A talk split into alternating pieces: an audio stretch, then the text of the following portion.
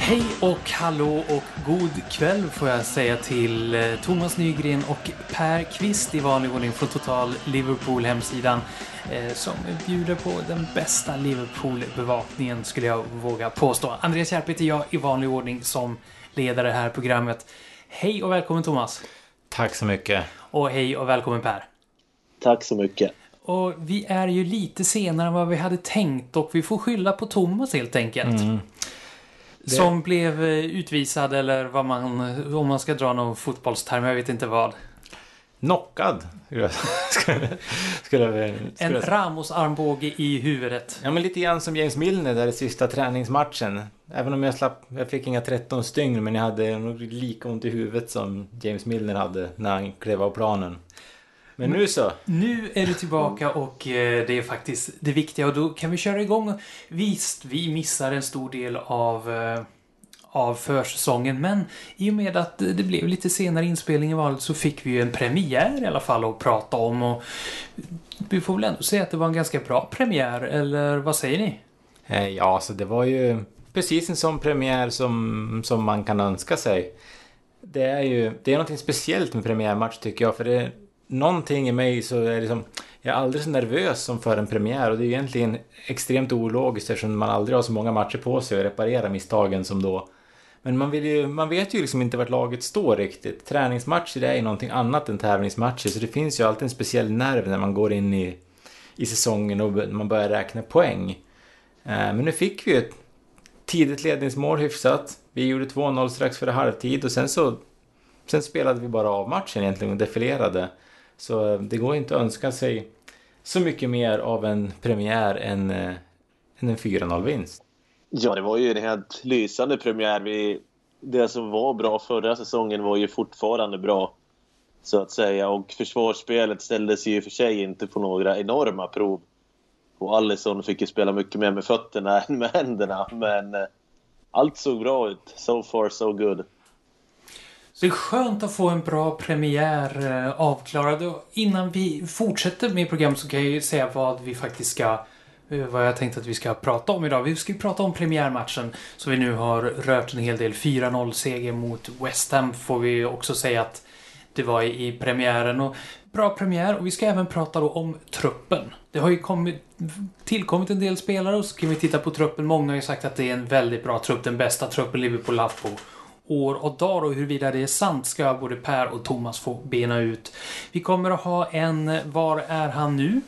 Vi kommer att ha en eh, topp 5-lista i vanlig ordning. Vi ska fortsätta med våran eh, 11, våran dröm-11, eller vad man kan kalla det. Eh, och sen så ska vi tippa lite, vi ska tippa topplag. Ska vi göra. Vilka är det som kommer att sluta på plats 2, 3, 4, 5 exempelvis? Och vilka som slutar på plats 1, ja men det får du själv som lyssnar räkna ut vilket lag jag syftar på. Vad sägs då om att eh, vi börjar programmet på riktigt då? Eh, premiären avklarad, 4-0. Flera spelare imponerade. Eh, vi, om vi tittar lite närmare på truppen. Vad säger ni den om vi går igenom lagdel för lagdel och börjar längst bak i planen, alltså med målvakten. Liverpool har ju nu köpt eh, världens näst dyraste målvakt genom tiderna i form av Alisson Becker från Roma. Är det den uppgraderingen som ni har önskat?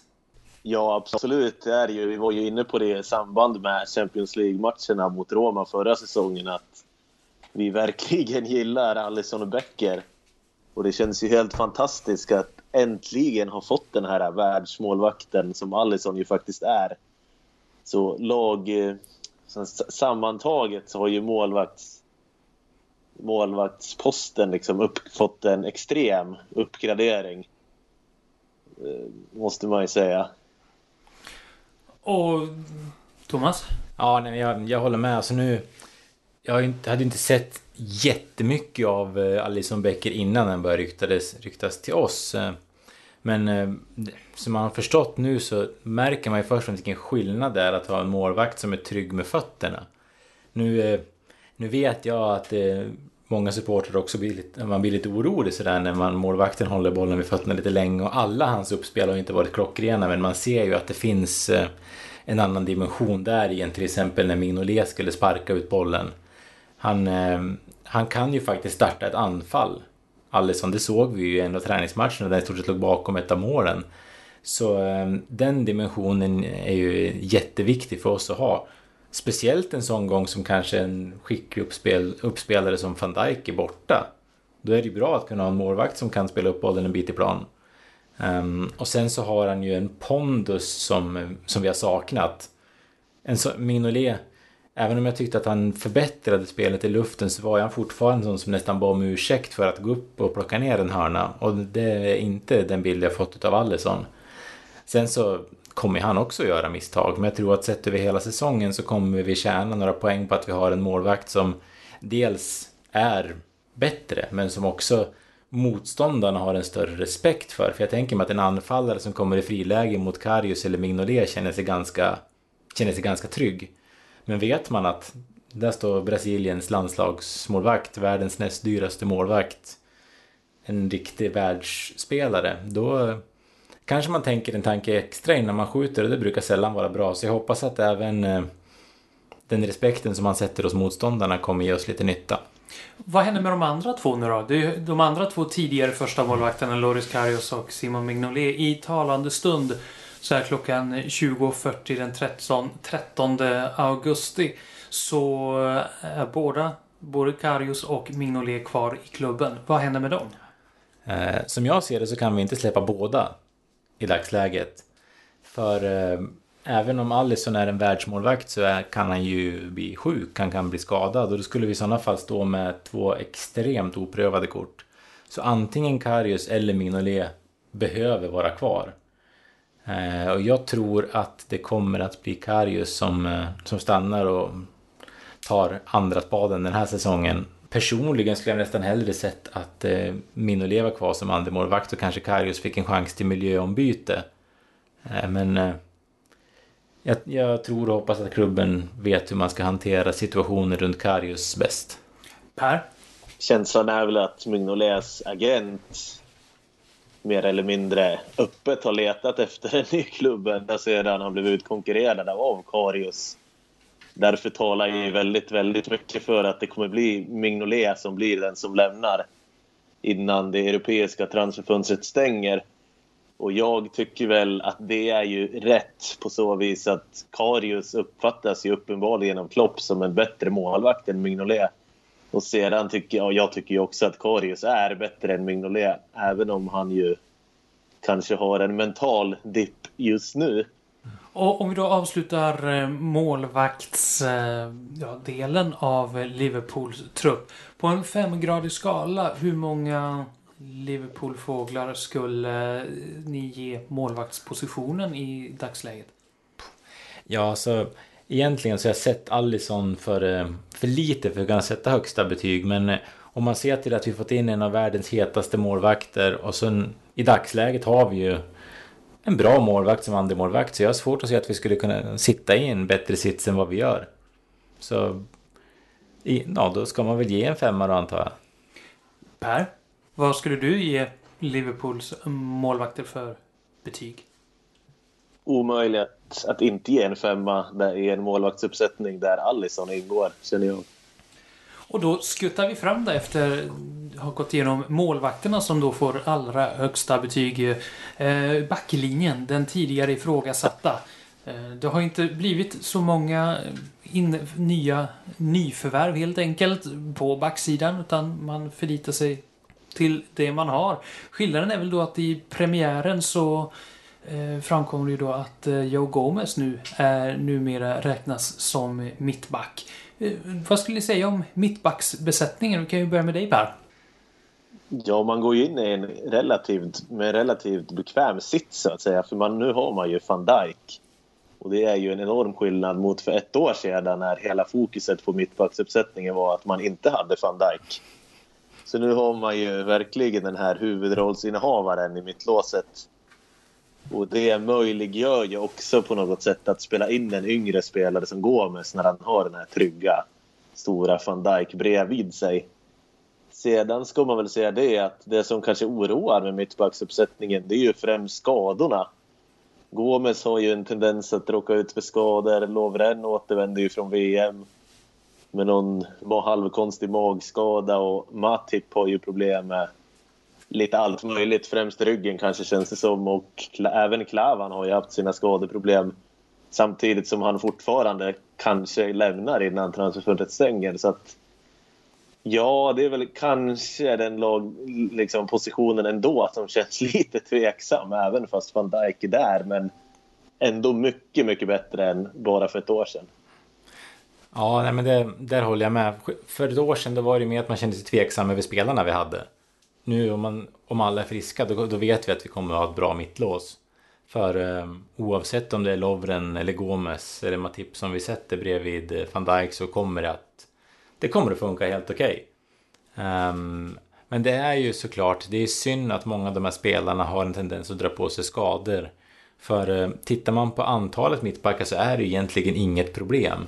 Alla lag borde ju klara sig med fem mittbackar och dessutom har vi Fabinho som kan gå ner och spela mittback om det krisar väldigt. Så vi ska ju inte vara... Vi ska, vi har inte Milner gör väl det också? Sett Milner på mittbacken skulle han vara bäst på plan. ja, nej men det, det är klart att eh, försvarslinjen är ju kanske den som känns eh, minst eh, stabil om man ska titta på, på laget som helhet. Vi har ju, vi har ju en vänsterback som eh, i premiären igår fortsatte på precis samma sätt som han spelade under förra säsongen. Så där känns det ju supertryggt så länge han är frisk. Men en skada på honom, ja då är det Moreno. Och eh, då vet man ju...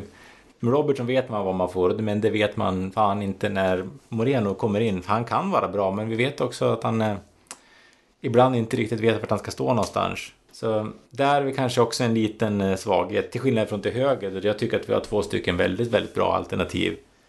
Vi har eh, Trent Alexander-Arnold som kommer ifrån att ha fått spela VM som tonåring. Han eh, har gjort, gjort det jättebra i Liverpool.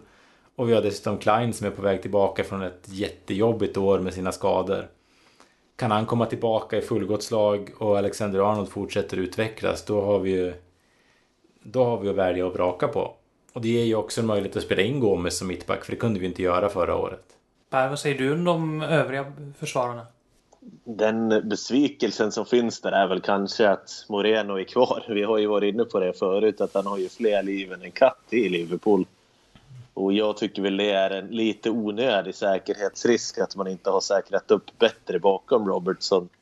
Men annars är det ju som Thomas säger att Robertson, Klein och Alexander Arnold är ju tre väldigt kompetenta ytterbackar och vi vet ju också till exempel att Klein kan ju spela vänsterback vid behov så att sammantaget borde det bli bra så länge de tre kan vara relativt hela under säsongen.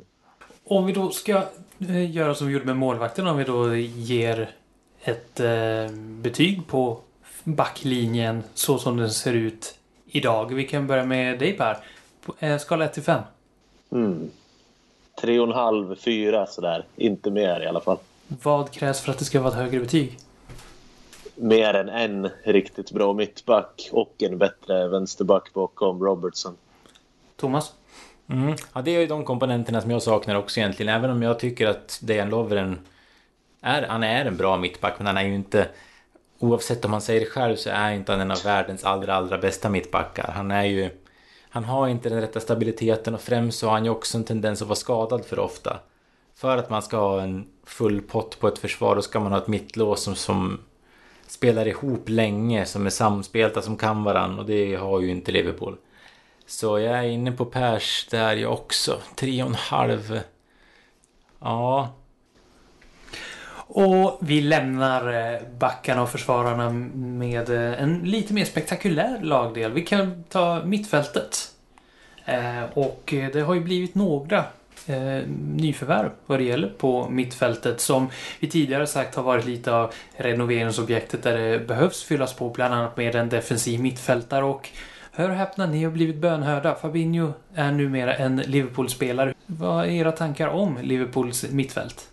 Eh, mittfältet som vi har eh, i år är på en helt annan nivå än det vi hade tidigare. För då hade vi många spelare som var ungefär likadana.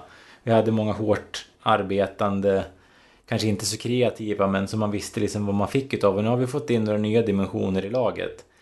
Vi såg ju nu i, eh, i premiären vad Keita kommer att tillföra.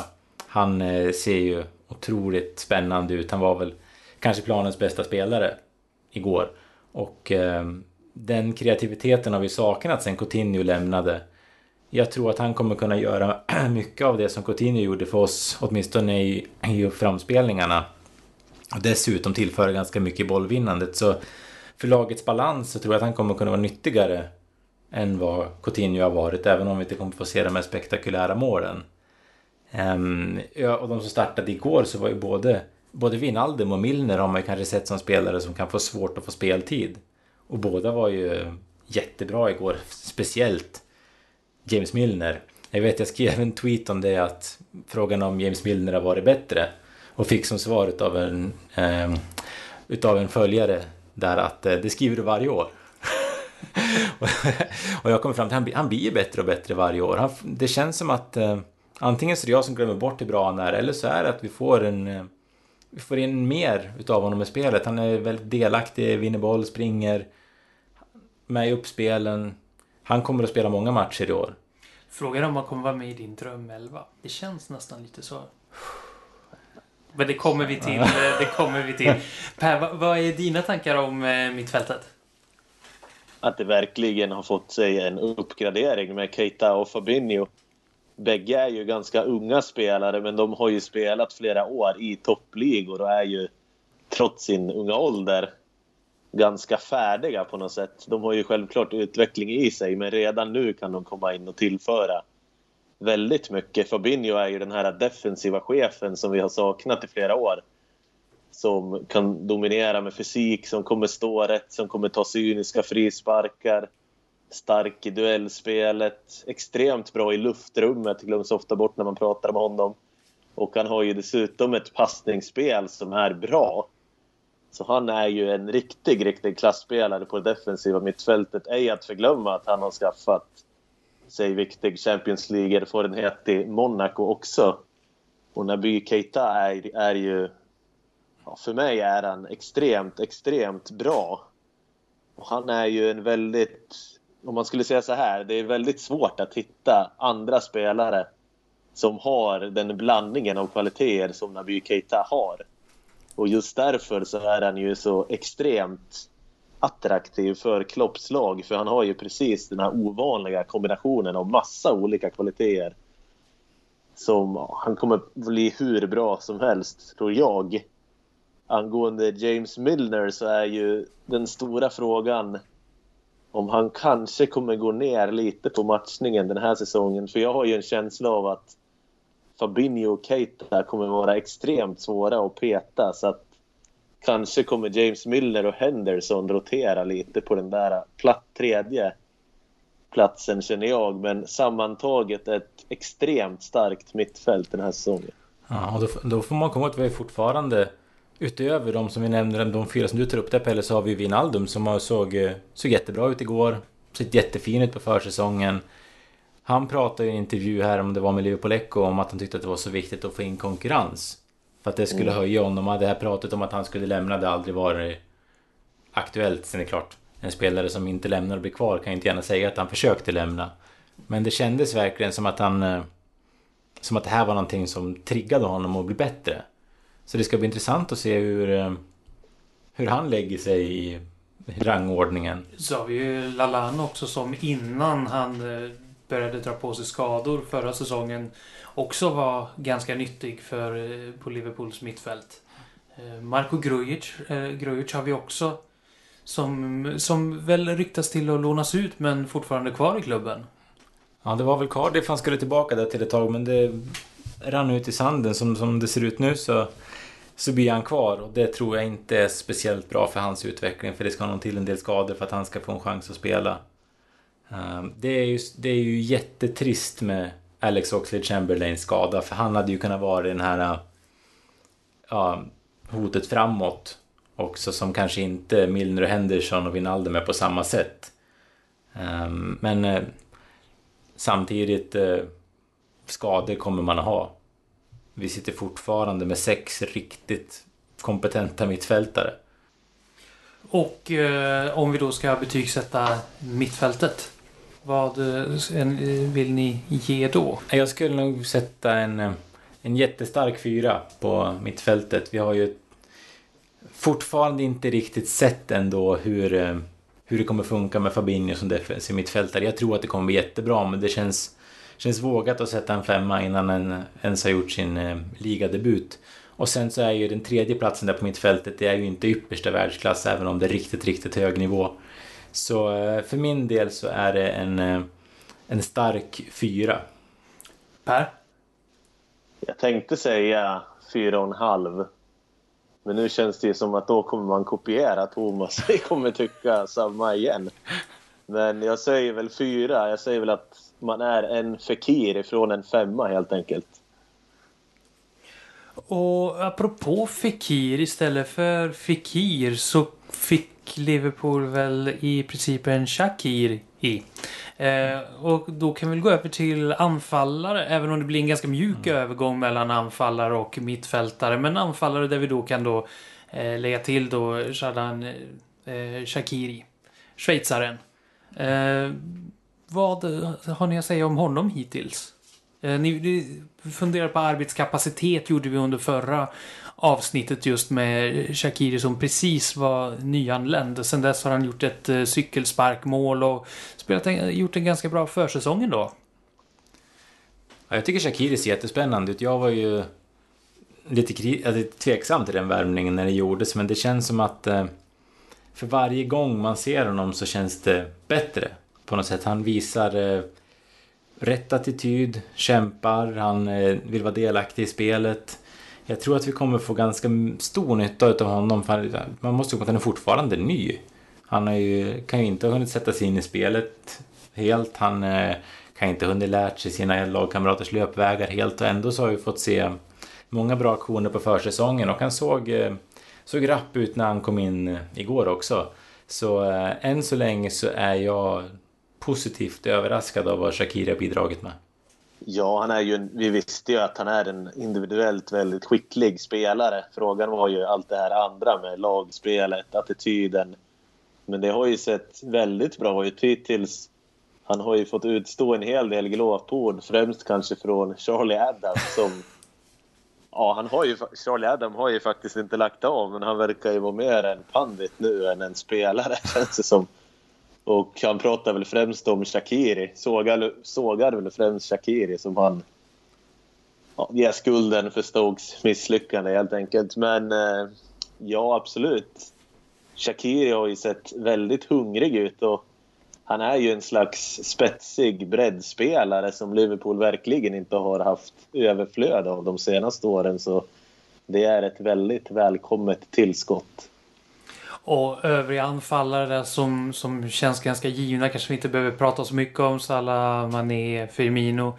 Eh, de, av premiären att döma så ja, har det inte hänt mycket där. Tack och lov får man väl då säga.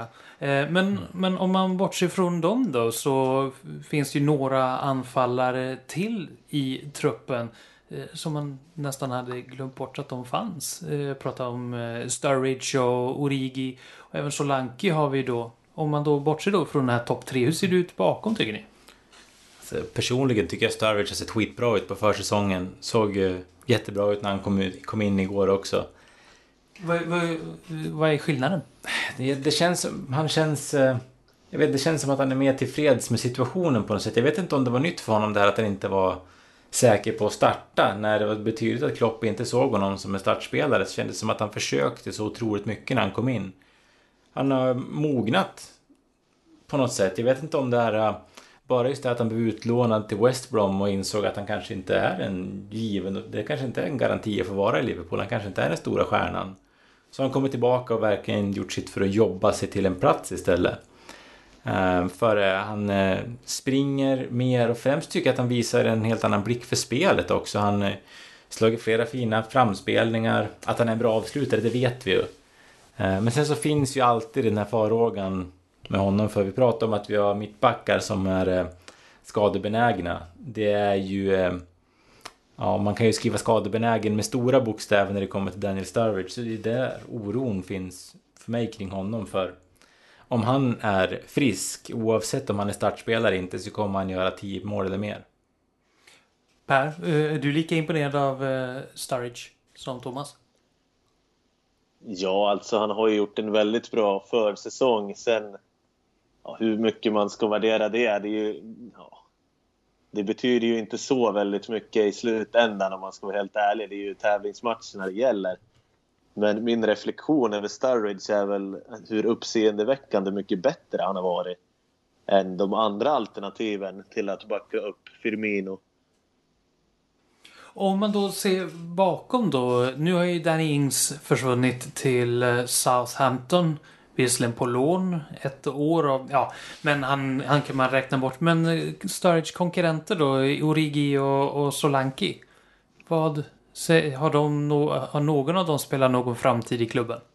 Origi har ju varit fruktansvärt dålig på försäsongen och han är ju en av de spelarna som skulle ha behövt visat någonting där.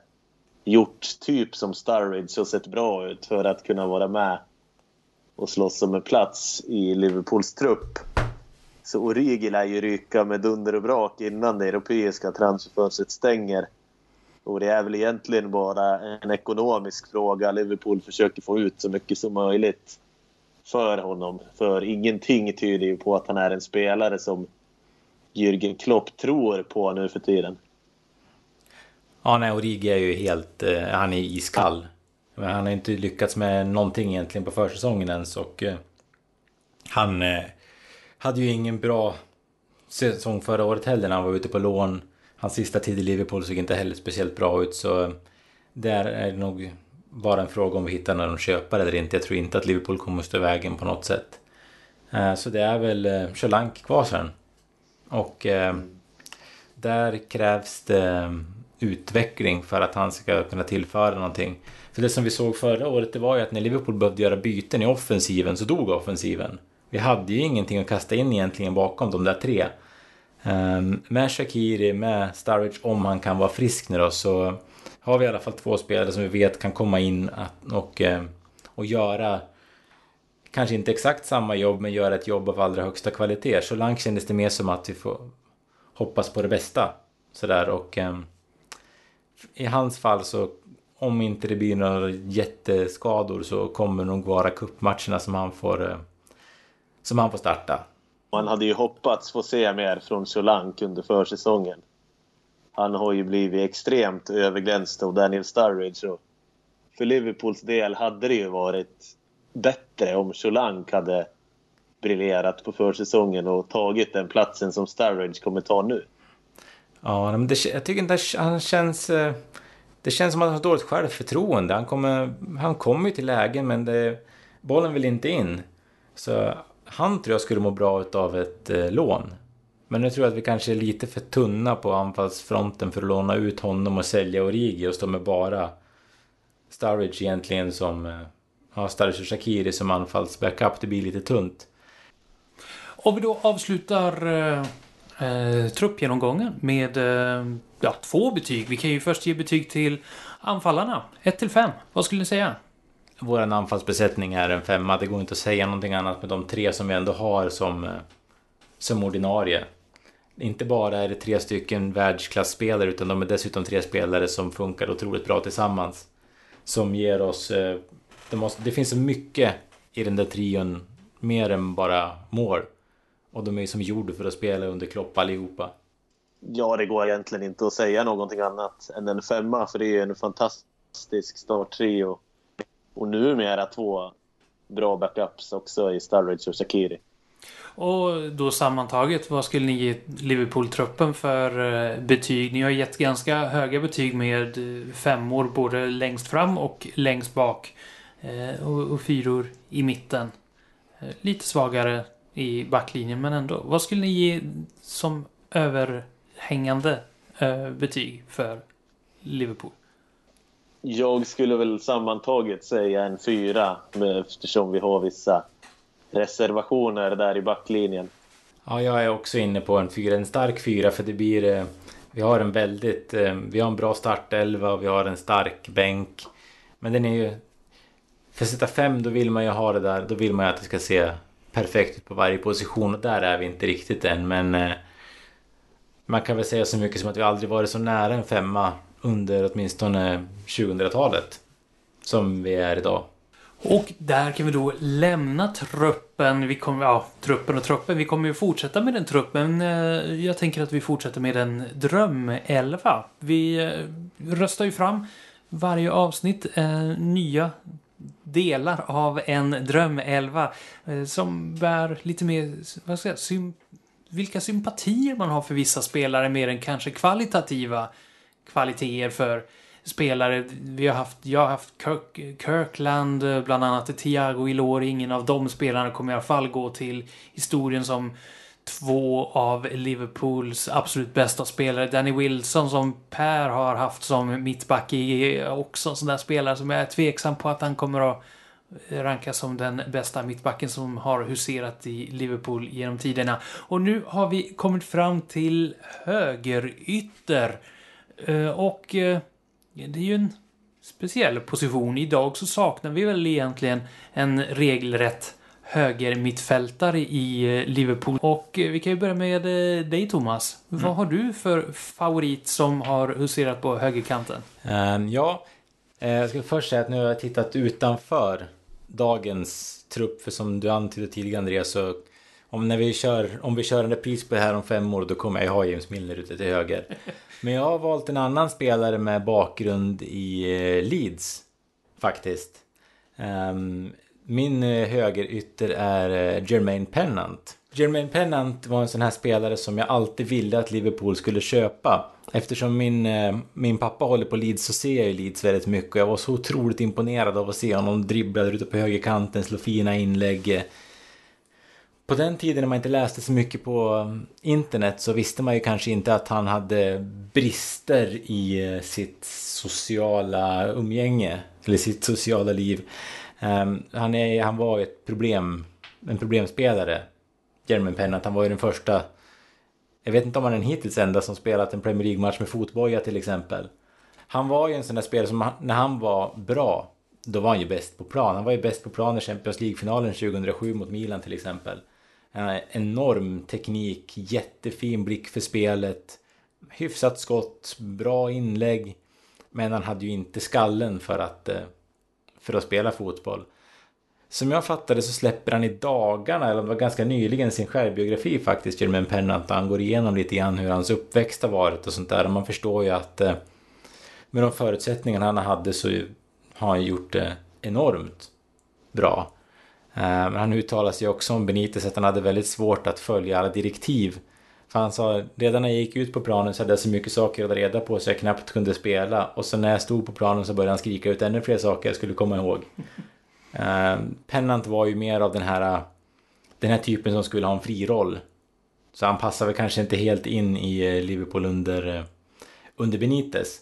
Men det var en spelare som jag gillade väldigt mycket innan han kom. Jag gillade honom under hans första tid i Liverpool och sen så insåg jag väl att det inte skulle bli så bra som jag hoppades. Men jag sätter Jermaine Pennant på min högerkant. Jag har ju då valt, eh, eh kanske inte så konventionellt, utan nästan följt... Liverpool har ju haft en ful ovan att vid vissa perioder i klubben använda anfallare som högeryttrar eller vänsteryttrar. Vi kommer ju alla ihåg Emil Heskey, denna centertank som Gerard Houllier hade en förkärlek att använda som vänsterytter. Eh, oklart varför. Det måste ha funnits bättre vänsteryttrar än en ganska tung, inte sådär jättedribblingssäker eh, anfallare som vänsterytter. Och därför har jag tänkt på högerytter använder mig av en sån spelare som inte har så alla kvaliteter som en högerytter ska ha konventionellt, nämligen Dirk Kuyt. Som under sin, ja, ganska lång period fick spela som högerytter. Eh, och han var ju en fantastisk spelare och karaktär, även om eh, det var mer vilja än kanske tekniskt kunnande. Men hjärta hade han och vilja och råkade vara på plats här och där. Men så mycket till högerytter kanske han inte var. Så det är väl mest för att få in Dirk Höjt i startelvan för att eh, jag tycker ändå inte att han har varit en av mina favoritanfallare. Men som högerytter, absolut. Så det är mitt val som högerytter. Har du nu hunnit tänka efter, Per? Ja, absolut. Den fantastiska Antonio Nunez. ja, jag beklagar att jag tvingar fram det valet. Nej, men han, han är ju 39 och han är still going strong i Recreativo. Så han spelar ju fortfarande och jag kommer ju ihåg väldigt väl när han kom till Liverpool för det var ju det var ju lite stökigt där kring Michael Owen som inte skrev på kontraktet och som hamnade i Real Madrid. Och då var det ju väldigt, väldigt många spekulationer. Vem ska, kommer Liverpool få ifrån Real Madrid? Och vi hoppades ju på Moriente som hade varit fantastisk i Monaco säsongen innan och som ju i och för sig så småningom hamnade i Liverpool i ett senare transferfönster. Men det blev ingen Morientes i samband med Owen-övergången och det var massa spelare där som man hoppades på. Sen kom det någon som ingen egentligen hoppades på. Det var ju Nunez som dök upp i Liverpool som hade spelat väldigt lite i Real Madrids A-lag men desto mer i deras B-lag. Och han var ju verkligen en högerytter utan några som helst spetskvaliteter men som jobbade hårt och ja, passade in hyfsat i laget ändå. Med tanke på hans väldigt begränsade individuella skicklighet så måste man ju ändå säga att han gjorde ett hyggligt jobb i de matcherna han spelade. Så han var ju egentligen kanske inte en Premier League-spelare överhuvudtaget men jag jag eh, har ändå en viss fascination för det här när det kommer in en spelare som egentligen inte håller måttet men som lyckas ändå passa in sådär hyfsat att han klarar av att spela i laget något sånär bra i alla fall. Han kanske var ju Pennants uh, antites så att säga. Pennant hade allting utom huvudet och Nunez då hade huvudet men inte så mycket mer. Ja men så kan man ju säga. Sen var ju Nunez, han, han, den övergången föregicks av den här Michael Owen-sagan och Pennants, jag vet inte om ni kommer ihåg det, men det var ju egentligen Daniel Alves som Rafa Benitez ville ha. Och det var ju en riktig sån här transfersaga. Men Liverpool betalade ju inte det som Sevilla ville ha. Daniel Alves fick ett extremt genombrott och hamnade så småningom i Barcelona. Men det är ju också en gemensam nämnare med Pennant och Nunez att det var ju väldiga transfersagor kring betydligt bättre spelare i, det, i samband med deras, deras flytt till Liverpool. Så, där har vi dem.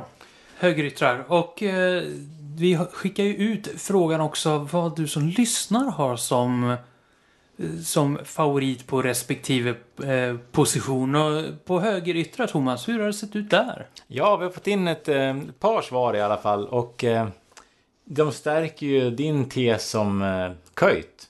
Får man väl säga. För först så fick jag ett svar från eh, Linus Fröjd på, på Twitter. Och han skrev att eh, så här i efterhand så håller man ju köjt högt. Även om man inte alltid gjorde det då.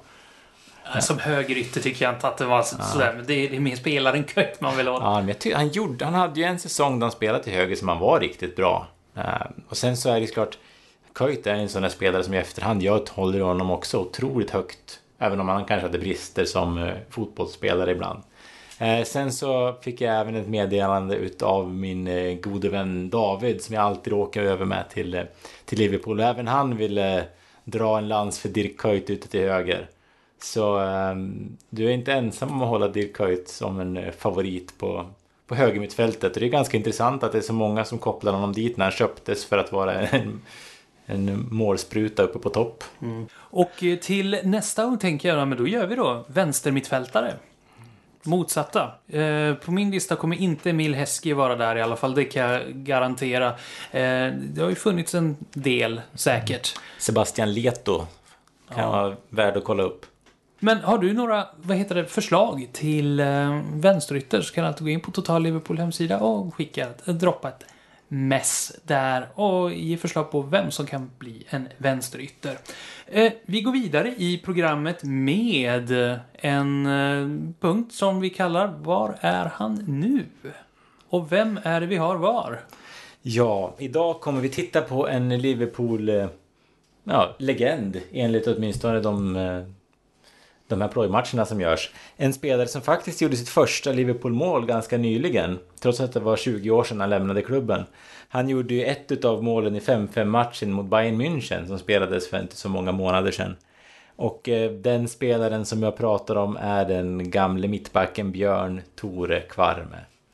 Eh, ett sånt här namn som ger oss som var med i mitten på 90-talet kalla kårar. Eh, för det var ju inte en mittback som man ville se i en, eh, i en startelva. Eh, men han kom till Liverpool från Rosenborg 1996. Och det var någonting som eh, min favoritvänsterback Stig-Inge Björneby förespråkade som en väldigt bra värvning för han hade ju spelat tillsammans med Kvarme tidigare. Han eh, gjorde 45 matcher som mittback för oss under tre säsonger. Det gick väl ganska bra för honom i början men under slutet av 1997 där så gjorde han först en riktig plattmatch i ett derby mot Everton där han fick Danny Kadar Marteri att framstå som Leo Messi. Eh, det i sig är ju en bragd men det är ju inte på ett positivt sätt. Eh, han gjorde även en plattmatch mot Manchester United bara en månad senare. Ja, man vet ju vad som händer med spelare som plumpar sig ordentligt i de två matcherna på väldigt kort tid. Hans, eh, hans dagar var ju räknade i Liverpool då. Han lämnade inte permanent förrän säsongen 99-2000 då vi värvade Hyppie och Henshaw. Så det var ju ganska lätt att smälta den eh, förlusten utav eh, Kvarme. Men han fick ändå spela i lag som Saint Etienne och Real Sociedad när han, när han lämnade Liverpool. Fortsatte i Bastia i Frankrike innan han avslutade karriären i Rosenborg. Så det är några år sedan han la ner. Men eh, idag så har han ett annat väldigt eh, ansvarsfullt uppdrag. Han eh, jobbar nämligen som agent för en firma som kallas för Nordic Sky. Som främst fokuserar på spelare i Norden. Eh, där han bland annat jobbar tillsammans med svenska legender som Fredrik Stor och Rade Pritsa som eh, agenter. De har många svenskar i sitt stall, bland annat en sån som Viktor Claesson som det pratas mycket om det här fönstret. Ludvig Augustinsson, fina vänsterbacken i svenska landslaget och eh, det var också de som såg till att Sebastian Larsson hamnade i AIK. Men deras eh, största namn internationellt får man väl säga är den eh, norske talangen Martin Ödegård som alldeles nyligen har gått över till eh, Nordic Sky och har Björn Tore Kvarme som sin agent. Björn Tore Kvarme är det som ska se till att Martin Ödegård får rätt karriär. Det återstår att se om han lyckas bättre med det än med sin karriär. Nu fick han tre säsonger i Liverpool, men jag tror att det är få jag tror att det är få som skulle räkna upp honom på någon legendlista. Eller i någon favoritstartelva. Mm. All heder till Björn Tore Kvarme som var det här programmets Var är han nu? Eh, och vi hoppar raskt vidare från en profil till en annan. Den här gången talangprofilen. Vem eh, har vi där? Den här gången är talangprofilen 18-årige Rafa Camacho. Den portugisiska tonåringen som visade framfötterna för Liverpool under försäsongen. Han har varit i Liverpool sedan 2016 och det var faktiskt så att Liverpool värvade honom från Manchester City där han hade ett par misslyckade år. Så att han flyttade ju över väldigt, väldigt tidigt. Redan som 13-14-åring flyttade han faktiskt till England. Och han ska ha haft svårt att anpassa sig där i Manchester och blev, till slut blev han utlånad till en väldigt liten portugisisk klubb så att det var där han spelade precis innan Liverpool tog över honom. Men hur som helst så är Camacho som spelare en snabb, teknisk och jag skulle säga initiativrik och optimistisk spelare som alltid vill framåt i banan och han har ju spelat offensiv mittfältare och yttermittfältare men nu på senare året har han spelat som höger wingback i en 3-4-3 formation för U23-laget. Och det är ju också där som han har fått chansen under försäsongen. Så han har ju varit en väldigt offensiv högerback som har kunnat fått speltid under försäsongen med tanke på att Trent Alexander-Arnold har... Ja, han missade ju i stort sett hela försäsongen på grund av VM. Och Klein var ju lite ringrostig och sen fick han ju barn så att det blev oväntat mycket speltid för Camacho främst i USA. Och han visade ju sina kvaliteter där som gör att många hoppas få se honom i inhemska kuppmatcher den här säsongen. Vad är din eh, åsikt om honom? Vad har han för eh, framtid? Han är ju en fantastisk spelare offensivt. Så allt hänger ju egentligen på på om han kommer att kunna utveckla sina defensiva egenskaper. I så fall kommer han att kunna spela högerback i en klubb som Liverpool. Ja, det, Men, hur är han jämfört om man ser med Trent Alexander-Arnold som väl har samma bakgrund som en väldigt offensiv eh, egentligen som en nyttig mittfältare från början men som nu har, eh, ju äldre han blir tar steget bakåt. Precis, och Trent Alexander-Arnold är ju fortfarande ingen full fjädrad spelare rent defensivt men han är mycket skickligare defensivt än vad Camacho är just nu. Och det var väl kanske lite tur att han inte ställdes på några större defensiva prov i USA. Så att eh, det är ju det han behöver utveckla och Trent Alexander-Arnold har ju utvecklat det. Det såg vi ju främst kanske där mot Sané i Champions League. Så att ja, han har en bit kvar till Trent Alexander-Arnold. Men det är ändå en talang vi pratar om som eh, potentiellt skulle kunna ha en plats i ett lag som Liverpool. Ja, möjligtvis med tiden, men inte just nu. Men kanske om ett eller två år om han fortsätter att växa på sig och utvecklas och ta till sig de defensiva direktiven. Sen ska man väl säga det att han, han är ju väldigt snabb och smidig så att han har ju vissa grundverktyg i alla fall till att kunna spela bra försvarsspel och kunna täcka en kant sett över 90 minuter. Men en eh, spännande talang onekligen i eh, den här avsnittets talangprofil. Där vi nu eh, hoppar vidare mot slutet av programmet och i slutet av programmet så brukar vi i regel ha en topp 5-lista. Och så ska vi ha även idag. Och det har ju avslutats ett transferfönster ganska nyligen, lite tidigare än vanligt i England och jag har en känsla av att eh, topp 5-listan kommer att handla någonting om transferfönster.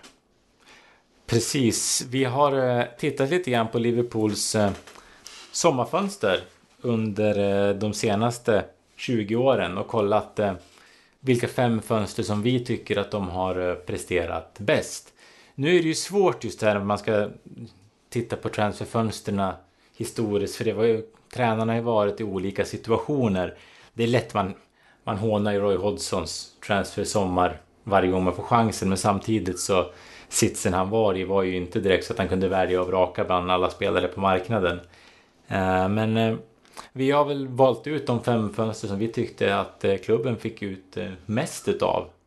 Kan man väl säga utifrån situationer man hade ekonomiskt och vad man betalade och vad man fick för pengarna helt enkelt. Och längst ner på den här listan på plats nummer fem? På plats nummer fem så hittar vi sommaren 2006-2007. Där eh, vi fick in dels den stora höger-mittfältsfavoriten Dirk Kuyt.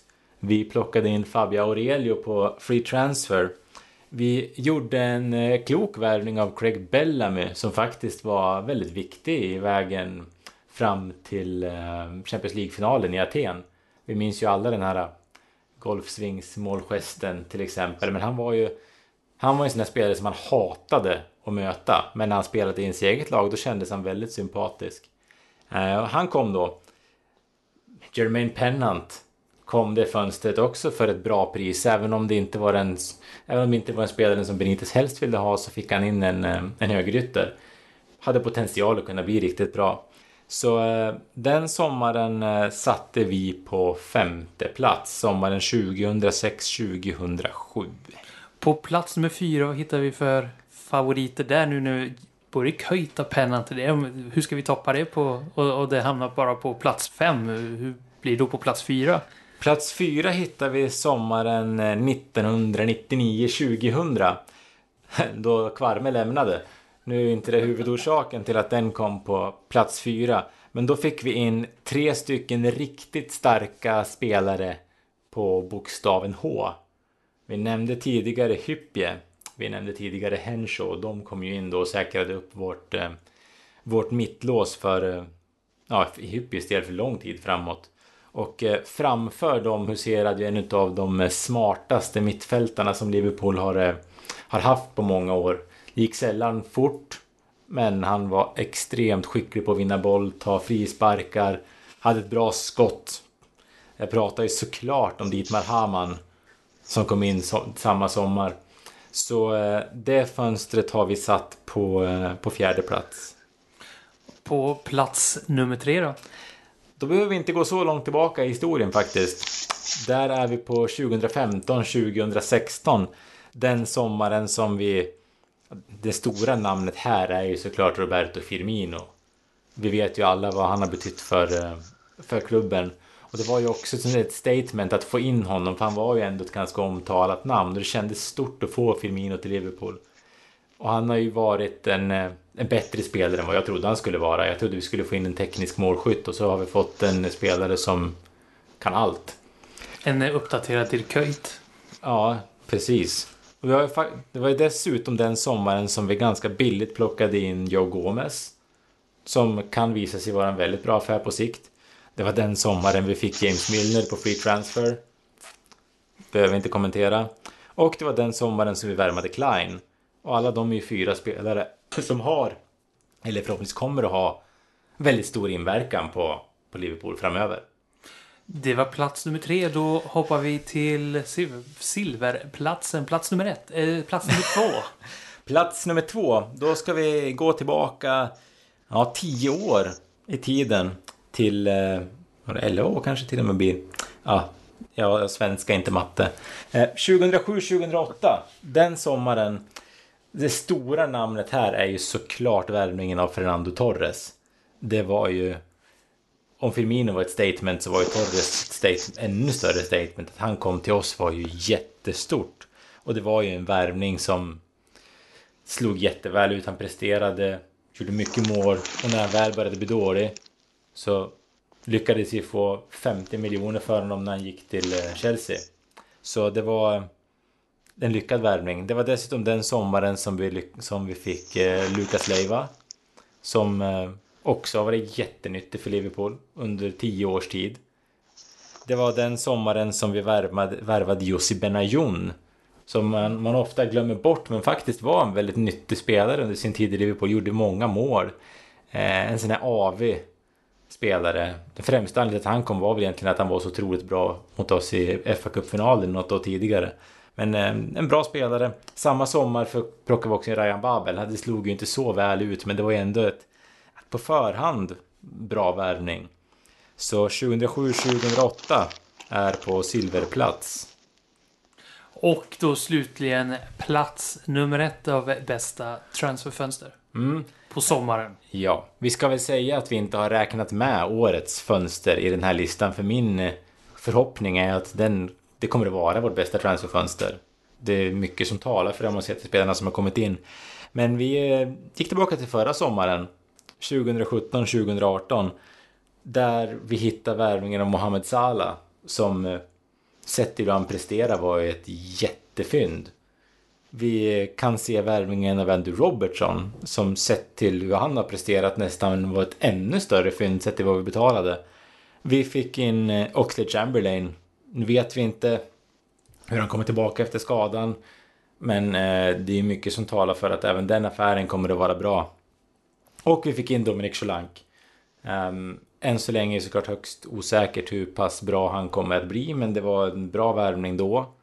Plockade han dessutom ifrån en konkurrent och det känns ju lite extra bra. Så ehm, här har vi våran topp 5 och det ska väl sägas att när man satt och gick igenom de här transferfönstren som vi gjort så förstår man ju varför, att, eh, varför Liverpool har gått eh, dåligt under perioder. För det var ju nästan en, eh, en tioårsperiod där någonstans efter mellan så Torres-fönstret och Firmino-fönstret. Där var det sju, åtta fönster som inte var bra nog. Och då blev ju prestationerna därefter. Två stycken kloppfönster och nästan en önskan på ett tredje. Det är ganska bra facit får man säga. Ja, när vi har ju på den här listan första platsen är ett kloppfönster. Vi hade giss, gissningsvis satt årets fönster högst upp om det hade kunnat. Och året innan vi hade Mané, vi hade Vinaldum, Klavan, Matip. Om Matip hade slagit lite bättre ut hade det fönstret också kanske kunnat slagit sig in. Så man förstår ju någonstans hur viktigt det är att kunna lyckas i sina rekryteringar på sommaren för att eh, ha en lyckad säsong. Och det var topp 5-listan. Då har vi en punkt kvar innan vi slår igen butiken för den här gången. Det ska nämligen tippas. Och den här gången tänkte vi, vilka är det som eh, kommer att eh, slåss med eh, Liverpool i toppen? För vi utgår från att Liverpool kommer att vara ett topplag i år och speciellt med tanke på hur ni har graderat truppen. Och vi kan ju då inleda med, vi har ju pratat om transferfönster för att göra en lite mjukare övergång. Hur de andra toppklubbarna värvat, tycker ni? Per? Rent allmänt så har ju Premier League-klubbarna visat stora ekonomiska muskler för man ser ju verkligen att klubbarna har lyckats behålla spelare. Ta bara Manchester City. Jag kan knappt komma ihåg senast de tappade en spelare som de ville behålla. Och de har ju behållit ja, sin manager Guardiola förstås och sin trupp samtidigt som de har adderat Mares som vi vet är en otroligt individuellt skicklig spelare. Så att jag tycker att City har gjort ett starkt fönster. De bygger vidare på det de har. I ännu högre utsträckning gör ju Tottenham det, för de har ju inte värvat en enda spelare. Vilket ju är enormt ovanligt. Jag kan tänka mig att Tottenham inte är helt nöjda med den manövern. Eller vad tror du Thomas? Nej, jag tror inte heller att de är eh, speciellt nöjda, för det vet jag. Om man pratar med Spurs supportrar säger de att de är nöjda med truppen. Men det de behöver göra är ju att plocka in det här sista, det här extra. Det som vi gjorde till exempel när vi plockade in Sala, en spelare som går in och gör, eh, gör skillnad. För man kan inte titta på deras startelva och säga att de har några dåliga spelare egentligen. Däremot skulle de behöva få in eh, ännu bättre på vissa håll. Så, och just det här att man inte gör någon förändring alls. Jag, jag, jag, jag tror att en trupp mår bra om att, av att man ruckar lite på på den i alla fall. Kanske inga stora förändringar, men någonting. För de inte, det är ju inte en komplett trupp som Pochettino sitter på. Annat eh, snack om när det gäller toppklubbar och transfers är ju ja, Liverpools ständiga antagonister, Manchester United. Eh, Mourinho har ju varit ute i media och eh, varit lite kritisk till, eh, till värvningar och så. Är det befogat? Ah, jag är så less på Mourinhos gnäll nu. Alltså det känns som att han börjar bli en parodi på sig själv tycker jag. Um, jag vet, alltså... Som Liverpool-supporter så är man klart, man, är, man håller ju inte Manchester United speciellt högt. Men jag kan inte tänka mig heller att Manchester United-supportrarna sitter och njuter av att höra honom varje gång det inte går som det ska skylla på att inte han har fått värva. När man sitter på en presskonferens på försäsongen och gnäller på liksom, juniorerna som är med för att de inte är tillräckligt bra. Givetvis är det ju så att han vill få bort fokus från att han, han inte riktigt har lyckats så bra som han borde, att spelet inte funkat som det borde. Jag har svårt att köpa det som han håller på med nu. Det blir ju, det blir ju snudd på komiskt att höra den tränare som har spenderat mest pengar av alla gnälla på att inte han får spendera tillräckligt mycket pengar. Han jämför ju mycket med Liverpool, men till skillnad från Liverpool så har ju inte han sålt någon spelare för 145 miljoner pund heller. Och det måste man ju också ha i åtanke när man kollar på hur mycket lagen har spenderat. Och jag tycker ju faktiskt att Manchester United har ju en ganska komplett trupp. De har ju väldigt, väldiga klassspelare. Och de fick ju in Fred som är en defensiv mittfältare men framförallt en väldigt skicklig passningsspelare som säkert kommer att höja passningstempot gentemot Matic. Vad det nu kommer att betyda för ett Mourinho-lag är ju desto mer oklart, men det är ju definitivt en förbättring. Så jag tycker inte att det är befogat gnäll ifrån Mourinhos sida. Sen har vi då två eh, ja, normalt, normala toppklubbar kvar. Två Londonklubbar som vi inte har nämnt och som vi kan göra. Varav det har hänt ganska mycket i de båda. Både Chelsea och, och Arsenal har ju bytt tränare bland annat. Hur tycker ni deras respektive fönster har eh, sett ut? Jag tror Chelsea led mycket av att de inte fick klar tränarsituationen så snabbt som eh, de hade önskat. För det kändes ju givet när säsongen var slut att eh, Conte skulle lämna. Och det var ju också tidigt kändes det ganska givet att det var Sarri som skulle ta över. Ändå så dröjde det till efter VM innan det offentliggjordes. Och det bör ju ha försvårat deras eh, transfersommar betänkligt. Men ehm, Jorginho är ju en eh, spännande värvning. Honom ville vi ju ha till Liverpool för några månader sedan så jag vore en hycklare om jag satt här och sa att jag inte tyckte att han var en bra spelare. Eh, men jag hade kanske väntat mig att det skulle hända lite mer. Eh, det är lite intressant om man slår på Chelsea så ser man som David Luiz spela mittback. Fan, honom hade man glömt bort. Ross Barkley på mittfält, fan, just det, han är också där. De har fortfarande liksom Victor Moses. Så de ser inte lika skräckinjagande ut som de eh, brukar göra. Jag tror att Sarri kanske kommer behöva lite tid också. Men eh, de har ju ett intressant mittfält där med Kanté och Jorginho. Och så fick, nu fick de ju in eh, Kovacic i samband med att de sålde Courtois. Så mittfältet kan nog bli riktigt bra. Sen så står det väl att se om Morata kan vakna på rätt sida fler gånger än förra säsongen. Så tror jag kanske att Chelsea kan slå lite ur... Slå lite bakifrån. Per? Jag tycker att Chelseas bästa rekrytering är ju Sarri. Hans lag brukar ju spela en attraktiv fotboll och han har ju en historik av att utveckla spelare. Och just den här spelarutvecklingen gör ju att man har ju skäl att tro att många, eller några i alla fall, av Chelsea-spelare kommer att bli bättre. Och, så det har jag också i åtanke när jag bedömer truppens slagstyrka så att säga. Och jag tycker att Chelsea ändå fick till en bra lösning på målvaktssidan. De hade ju en väldigt svår situation där med Courtois som hade ett år kvar på kontraktet och Barna som bodde med hans ex i Madrid. Så det var ju egentligen omöjligt att behålla honom och då tog man ju in Kepa som är en duktig målvakt. I och för sig betalade man hysteriska pengar men dessutom fick man ju Kovacic på lån men Kovacic, Jorginho och Enkanté känns ju som ett väldigt bra mittfält och man ska väl säga det om Jorginho att han spelade ju under Sarri i Napoli så han, och han var ju motorn i Sarris Napoli så att han är ju en otroligt bra värvning i synnerhet för Chelsea när Sarri håller på att implementera sitt spel där. Och sen så är det som alltid med Chelsea att om Eden Hazard har en bra säsong då slutar ju Chelsea topp fyra. Så bra är ju han. Eh, och det märktes ju rätt tydligt att han inte tyckte det var skitkul att spela under Conte på slutet. Så får han en... Eh, om han vaknar till liv, nu för nu blir han ju kvar som allt som det tyder på. Då, eh, ja, då, då blir de svåra.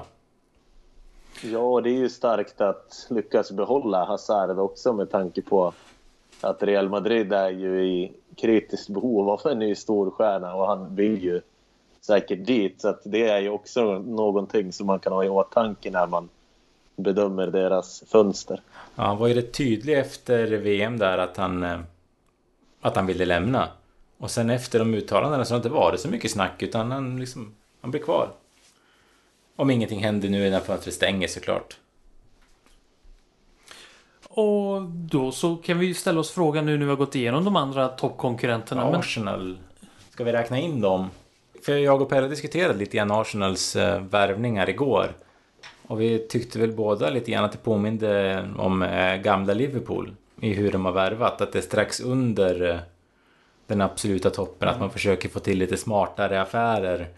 De har inte ryckt i de allra, allra största namnen utan jag tror att Emery har ett... Jag tror att han går mot en tuff säsong. Även om de har sett bra ut på försäsongen så visar de ju inte ett spår av det mot City. Då ska vi samtidigt såklart City är ju jättebra. Mm. Men det ska bli spännande att se vad som händer med Arsenal de kommande veckorna. Mm. Så vi gör så här, då vi tippar. Då tippar vi hur, vi tar topp fem. Ja, nej, jag tycker femteplatsen är, det är svårt där nere um, runt fjärde, femte. Jag vacklar mellan om jag ska sätta Chelsea eller Spurs som uh, femma. Jag tror att Spurs kan komma att få lida för att inte man har gjort någonting alls med sin trupp. För nu har de stått och stampat lite grann. Även om de har spelat en bra fotboll, tagit sig till Champions League så de saknar det här sista lilla. Och frågan är om inte det kan straffa sig i år. Jag sätter, jag sätter fan Tottenham femma. Jag sätter Manchester United som femma. De kom ju högt upp i tabellen förra säsongen men de tog ju fler poäng än vad de var förtjänta av och det tror jag inte kommer fortsätta i lika hög utsträckning den här säsongen. Och fyra? Då um, plockar jag in Chelsea på fjärdeplatsen. Jag tror att Hazard har fått ett uppsving utav uh, VM. Att han kommer må bra av att få in en tränare som vill spela lite mer offensiv fotboll. Och om han får vara skadefri, tycker att fotboll är roligt, då vet vi hur bra han kan vara. Så jag tror att de kommer fyra. Där sätter jag min skräll och säger Arsenal. Även om värvningarna inte har varit sådär jättebra, undantaget är väl Lucas Torreira som jag tror väldigt mycket på, så har ju Arsenal en intressant trupp och jag tycker de har många kompetenta spelare. Kanske framförallt offensivt, så att jag tror att Emre kommer att få bättre ordning på det där och att de kan ta fjärdeplatsen faktiskt. På plats nummer tre då? Mm, på plats nummer tre sätter jag Manchester United. Eh, det finns ju egentligen ingen logik i att tro att de ska komma så högt upp för eh, klubben känns inte i balans. Det är mycket som eh, svajar. Mourinho är... Eh, ja, honom har vi pratat tillräckligt om redan. Eh, men de, de kommer att ta sina poäng. Det finns så pass mycket individuell kvalitet i det laget så de kommer vinna många matcher ändå. Eh, det är ju ett lag som har truppen för att kunna vinna Premier League egentligen. Men de kommer inte att göra det så som så som, de spel, så som Mourinho vill att de ska spela. Så eh, jag tror att de kommer plocka sina poäng för att komma trea och vi kommer sitta om... Vi kommer sitta där i maj och fundera hur fan kan United komma trea? Per, på plats nummer tre, vilka tror du? Chelsea. Jag tror Chelsea kommer bli den här säsongens topplag som alla säger hur bra och roligt de spelar men som ändå inte är i närheten av att vinna ligan.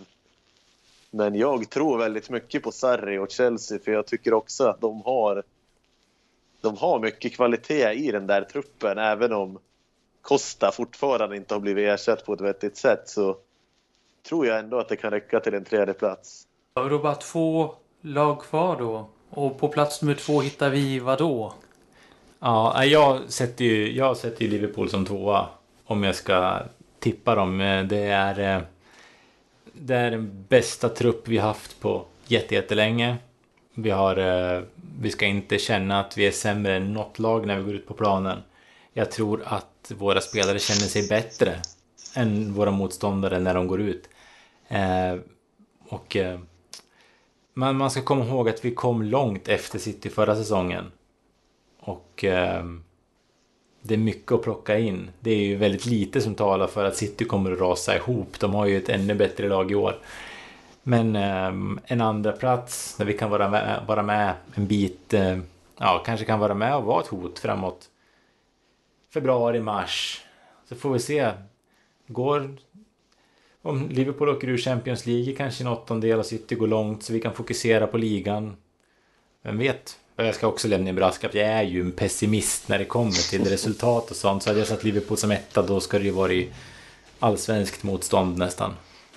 Och Per, är du lika pessimistisk, realistisk som Thomas? Nej, inte riktigt. Alltså jag säger Manchester City som tvåa eftersom de har ju för sig en grym trupp, men jag tror att de kommer ha ännu större mentalt fokus på Champions League den här säsongen. För det är ju deras målsättning, naturliga målsättning, är ju på något sätt att avancera i Champions League. Ligan rodde de ju hem hur lätt som helst förra säsongen. Så att jag tror att Liverpool kan komma före City. Och då har jag också med i beräkningen att det mycket väl kan bli sex poäng i inbördes möten mot Manchester City. Så, så att ja, jag tippar Liverpool som mästare. Men eh, ja, man, man, kan inte tippa exakt likadant som Thomas heller. Och man vet ju att Thomas har ju ofta fel i sina tips. Att... Tänkte säga det var en jäkla outsider du satt Tottenham som etta.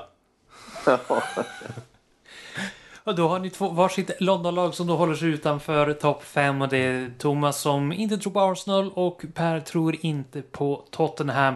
Däremot så tror Per på Liverpool och Thomas tyvärr då på Manchester City.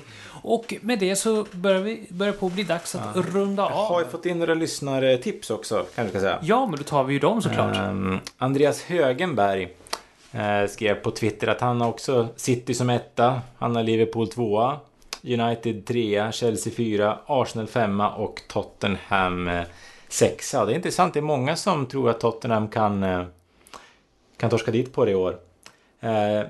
Lars Torssell har lämnat in sitt tips. Han har Liverpool 1, City 2, Spurs 3, United 4, Arsenal 5.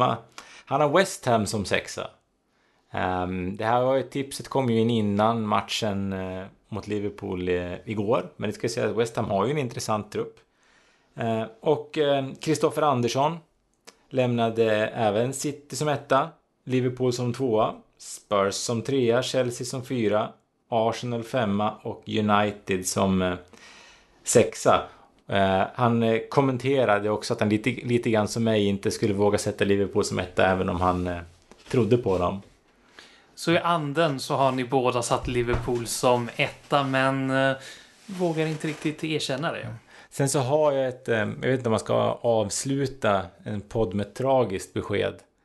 Men vi, vi följde förra säsongen Igor Biskans succésäsong i Jubiliana. Um, den säsongen slutade med ligatitel, kupptitel, legendarisk säsong. Eh, sen fick han sparken. Ah. Han kom inte överens med eh, klubbledningen och är numera arbetslös. Jag såg att han var med och spelade mittback i en av i helgens eh, legendmatch. Så man kan ju förstå att kraven är höga där nere om inte man låter Bishkan fortsätta efter fjolårets säsong. Så nu får vi se vilka som rycker fjolårets eh, succétränare i Europa helt enkelt. Åh, ja, det är med spänd förväntan vi får se vad, vad han är. Lova oss att hålla oss uppdaterade Thomas, vad, vad som händer med Igor Bishkan, succétränaren. Det, vi återkommer i frågan. Och eh, vi kanske får höra om det har hänt någonting med Igor Bishka nästa gång vi är tillbaka. Och eh, nästa gång vi är tillbaka så bör det ha spelats matcher mot eh, Crystal Palace, Brighton, Leicester. Och så kommer vi förhoppningsvis då invänta och, och, och prata lite om Tottenham-matchen då som är den nästa stundande. Och vi kan väl säga redan nu då att nio poäng känns väl inte helt omöjliga om Palace, Brighton och Leicester är motståndet. Jag, jag tror att eh, måndagsmatchen kommer bli en eh, värdemätare för bra Liverpool är. Per, är du då? Nio poäng. Kom igen nu. Ja, det ska vara nio poäng. Bra, då har vi någon i alla fall här som vågar ge ett klart besked i dessa valtider. Eh, tack så mycket för att ni eh, var med. Du som lyssnar, tack så jättemycket för att du lyssnar. Ladda ner podden. Och tack så mycket Thomas Nygren och Per Kvist. Tack så mycket. Så, tack. så hörs vi igen om sådär en månad ungefär. Och eh, se till nu Thomas att hålla dig frisk så att vi kan hålla tidsplanen. Det ska jag verkligen se till att göra. Och fram till dess, du som lyssnar, krya på, om du är sjuk, krya på dig. Och om du är frisk, bli inte sjuk. Det är inte kul. Eh, tills dess, ha det så bra. Hej då!